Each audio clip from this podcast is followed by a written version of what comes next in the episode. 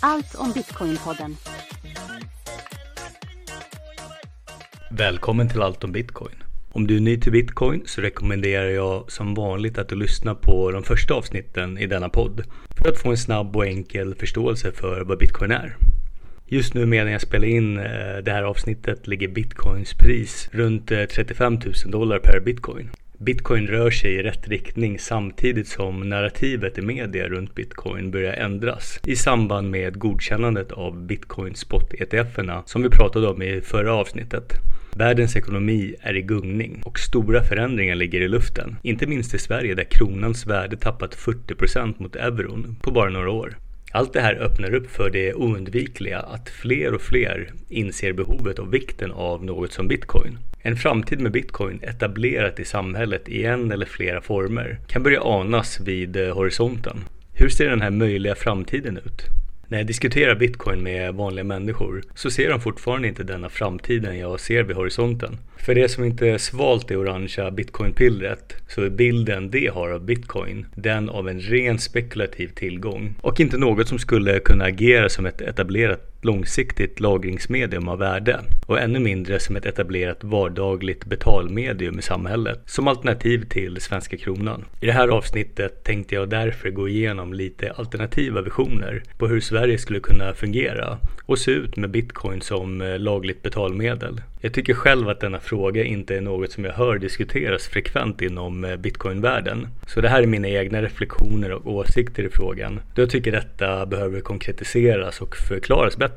Att bitcoin skulle byta ut kronan helt och bli det enda lagliga betalmedlet i Sverige är nog inte något som vi kommer se de eh, närmaste åren. Utan det som vi som bäst kan hoppas på är att det accepteras som ett alternativt betalmedel bredvid svenska kronan. Och att alla varor och tjänsters pris anges i båda valutorna. För att detta ska bli möjligt krävs ändring i skattelagstiftning, penningtvättslagar och konsumentskyddslagar. Exempelvis så skulle kapitalvinstskatten på bitcoin möjligtvis behöva behöva tas bort för att tillhandahålla sömlösa växlingar mellan bitcoin och kronor.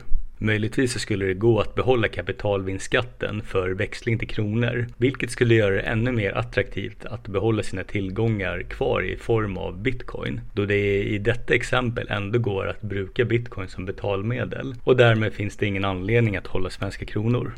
Problemet med detta blir om varor och tjänster enbart prisas i svenska kronor och en växling måste ske från bitcoin vid varje transaktion och därmed så måste man deklarera och skatta för kapitalvinst vid varje transaktion, vilket inte är hållbart. Men för argumentets skull så säger vi att dessa frågor löser sig och bitcoin blir en sömlös och integrerad del i svenska samhället, likställd med svenska kronan. Vilka fördelar och nackdelar skulle detta ha för svenskarna? Är detta dubbla system med både bitcoin och kronan som lagligt betalmedel optimalt för samhället? The best of both worlds, i alla fall till att börja med. Svenska kronan som är fiatpengar är pengar utan inneboende värde men som stöds av regeringen och ger Riksbanken möjligheten att aktivt styra ekonomin genom att justera penningmängden och räntorna. Förespråkare av detta system menar att denna styrning, särskilt när det gäller expansionen av penningmängden, kan stimulera ekonomisk aktivitet genom att öka likviditeten, vilket i sin tur kan uppmuntra konsumtion och investeringar. De menar att eh, det här systemet tillåter en snabb respons på ekonomiska kriser, kan bidra till ekonomisk stabilitet genom att motverka deflation och underlättar skuldhantering genom en viss grad av inflation. De säger också att eh, det erbjuder en form av löneflexibilitet och bevarar ett lands förmåga att föra en självständig penningpolitik. Jag håller inte med om denna beskrivning själv, då vi nu med facit i hand kan se hur väl denna centralbankstyrning har fallit ut efter framförallt sedan Riksbankens misslyckade lek med negativa räntor och massiva kvantitativa lättnader som expanderat penningmängden fallit ut. Men det kanske är okej okay att eh, detta i mina ögon förlegade system får fortgå bredvid bitcoin. För de som vill ta del av dessa så kallade fördelar. Vissa företag och privatpersoner som väljer kan fortsätta ta lån och spara sina tillgångar i form av svenska fiatkronor och därmed ta del av denna centraliserade styrning om de finner det fördelaktigt av någon anledning. Samtidigt så kan de företag och privatpersoner som inte vill ta del av detta system enkelt välja att hålla sina tillgångar i bitcoin. Alternativt och kanske mest troligt är att många kommer hålla tillgångar i båda valutorna i varierande storlek utefter ens eh, behov och förutsättningar. Nackdelen med detta system är att så länge det finns en växlingskurs mellan kronan och bitcoin så kommer kursen antagligen vara volatil medan eh, prisbildningsprocessen för bitcoin faller på plats. Detta på grund av att eh, vi å ena sidan har svenska kronan som är inneboende inflatorisk det vill säga att priset kommer öka för varor och tjänster som prisas i kronan allt eftersom. Medan bitcoin är inneboende deflatorisk i sig av naturen och allt som prisas i bitcoin kommer bli billigare allt eftersom. Osäkerheten och instabiliteten i styrningen och expansionen av svenska kronan kommer vara grunden till denna volatilitet i växlingskursen mellan fiatpengar och bitcoin. Något som redan nu till stor del är orsaken till bitcoins prisvolatilitet utöver spekulerandet med bitcoin. Förhoppningen, och mest logiskt i denna vision av framtiden, är att bitcoin blir det stabila ankaret i ekonomin medan fiatpengar som svenska kronan ses som det volatila alternativet till skillnad mot nu där bitcoin ses som volatilt i relation till exempelvis dollarn när prisbildningsprocessen för bitcoin faller på plats. Allt eftersom tiden går med bitcoin som lagligt betalmedel så skiftar denna ekvation. Den skiftar till en värld där kronan är det ostabila och volatila medan bitcoin med sin orubbliga stabilitet inbyggd i sin kod med reglerad ständigt minskande expansion av mängden nya bitcoin till den redan existerande mängden myntenheter den här prisbildningsprocessen jag nämner är hur bitcoins pris bestäms mot kronan i detta fall. Den här balansen skapas av bitcoins efterfrågan och utbud. När fler vill ha bitcoin, till exempel för spekulation eller betalning, går priset upp. Detta beskriver prisbildningsprocessen i vår nuvarande situation. Men om Sverige skulle anta bitcoin som lagligt betalmedel skulle efterfrågan på bitcoin skjuta i höjden eftersom alla från privatpersoner till företag skulle använda den för vardagliga transaktioner. Detta gör priset stabilare eftersom bitcoin skulle ses mer som en daglig valuta än en spekulativ investering.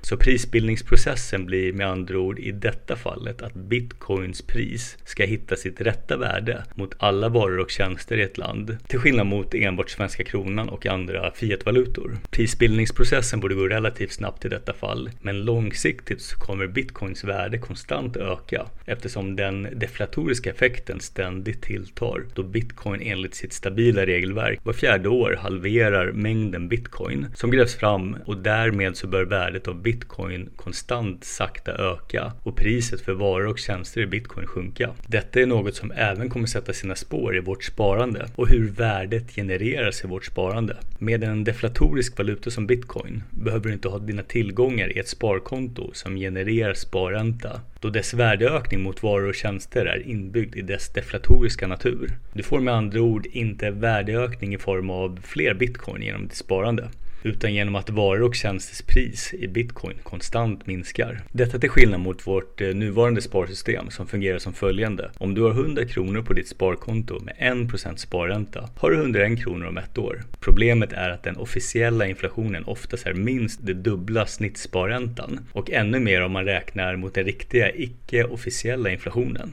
Så du får fler kronor med vårt nuvarande sparsystem, men köpkraften för dem minskar konstant år efter år. Då sparräntan är betydligt lägre än inflationen tvingar det människor att söka alternativa investeringar, som aktier eller fastigheter, där avkastningen potentiellt kan överstiga inflationen. Spararen måste med andra ord vara mycket mer aktiv i sitt sparande och det blir spekulativt, riskfyllt och osäkert. Allt jag hittills gått igenom visar att oavsett om du skaffar bitcoin nu till reapris eller när den är mer etablerad kommer du och samhället alltid att kunna dra nytta av bitcoins inneboende fördelar. Men det som väntar tills bitcoin är mer etablerat och prissättningen av varor och tjänster i bitcoin stabiliserats, som i vårt exempel, missar möjligheten att dra fördel av bitcoins värdeökning de närmaste åren då den fortfarande genomgår en prisbildningsprocess. Många som jag förklarar fördelarna med bitcoin motsätter sig bitcoin just på grund av detta. Det ses som orättvist att vissa får ett försprång i att ha införskaffat bitcoin tidigt, medan en stor del av befolkningen inte kommer kunna ta del av dessa personers massiva vinster. Ett pyramidspel där de nya investerarna får mindre del av kakan och betalar rikedomarna för de som kom in innan. Men denna beskrivningen håller inte, för det de betalar är inte rikedomarna för de som kom tidigare in i bitcoin, utan de betalar det riktiga priset för varan eller tjänsten de köper. Detta är prisbildningsprocessen.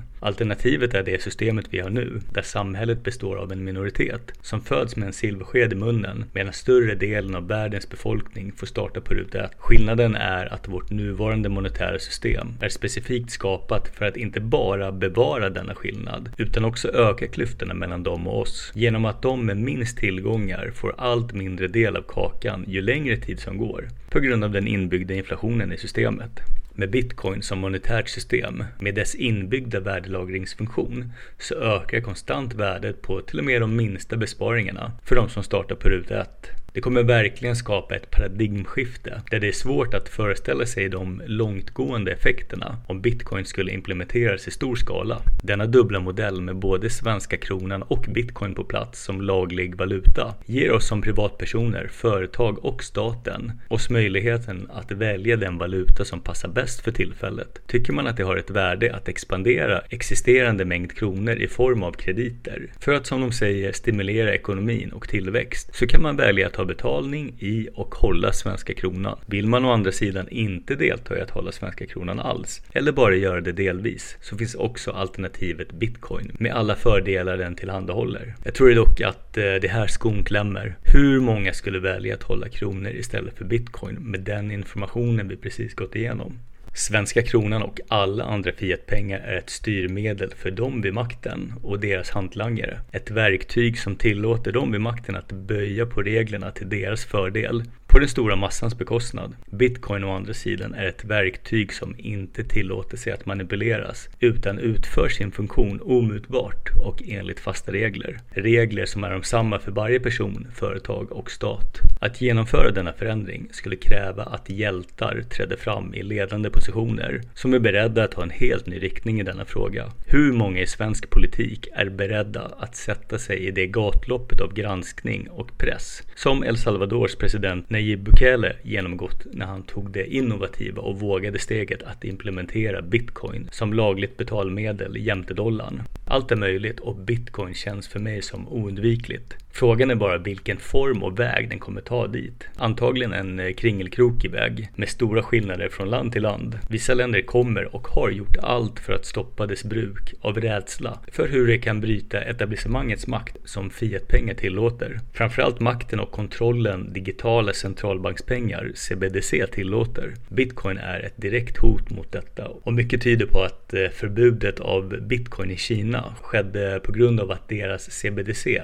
började testas i stor skala under 2021. Sociala krediter är etablerat i Kina, vilket innebär att överträdelser i förbjudna beteenden, uttalanden och åsikter sänker din sociala kreditstatus som regleras via digitala betalningar. Trots förbudet av bitcoin så ryktas det att eh, bruket av bitcoin fortsätter att växa i landet. Bitcoin är här i opposition mot staten, för folket, som en valuta de kan lita på, utan begränsningar och utan fördomar mot den som brukar det. Om vi tittar på Sverige och hela EU släpper även vi allt mer på den personliga integriteten för varje år som går. Nu senast så introducerade Sveriges EU-kommissionär Ylva Johansson förordningen Chat Control 2.0 ett system för massövervakning av digital kommunikation, inklusive krypterade meddelanden. Något som bryter mot FNs konvention om mänskliga rättigheter som garanterar rätten till privatliv.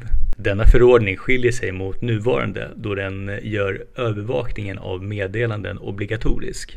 Något som i sin tur kan göra öppen källkod operativsystem olagliga. Det här är ett tecken på totalitär kontroll över privat kommunikation. Bitcoin är digital kommunikation av värde och jag undrar om Sverige kommer med denna riktning vi är på väg mot acceptera att de inte kan kontrollera den. Sverige och EU gör allt mer för att begränsa och kontrollera pengar samtidigt som Sverige är hyperdigitaliserat när det gäller betalningar och främst i ledet att implementera CBDCn, e-kronan. Detta är två möjliga riktningar vi har framför oss och det jag är säker på är att bitcoin kommer ha en viktig roll att spela oavsett vilken väg vi tar. Men jag ser hellre ett Sverige där bitcoin accepteras öppet och vida tillsammans och jämlikt med svenska kronan. Vi har rätt till ett alternativ till det nuvarande monetära systemet. Folket får välja. Låt bästa man vinna. Tack för att du har lyssnat på detta avsnitt. Om du gillar podden så skulle jag uppskatta om du tar dig tid att sätta betyg på den på Spotify eller iTunes. Tack alla ni som redan gjort det. Jag uppskattar det verkligen för det gör att podden syns bättre. Jag hoppas det hinner bli ett eh, till avsnitt innan jul men eh, tiden flyger iväg så man vet aldrig. Ha det så bra under tiden.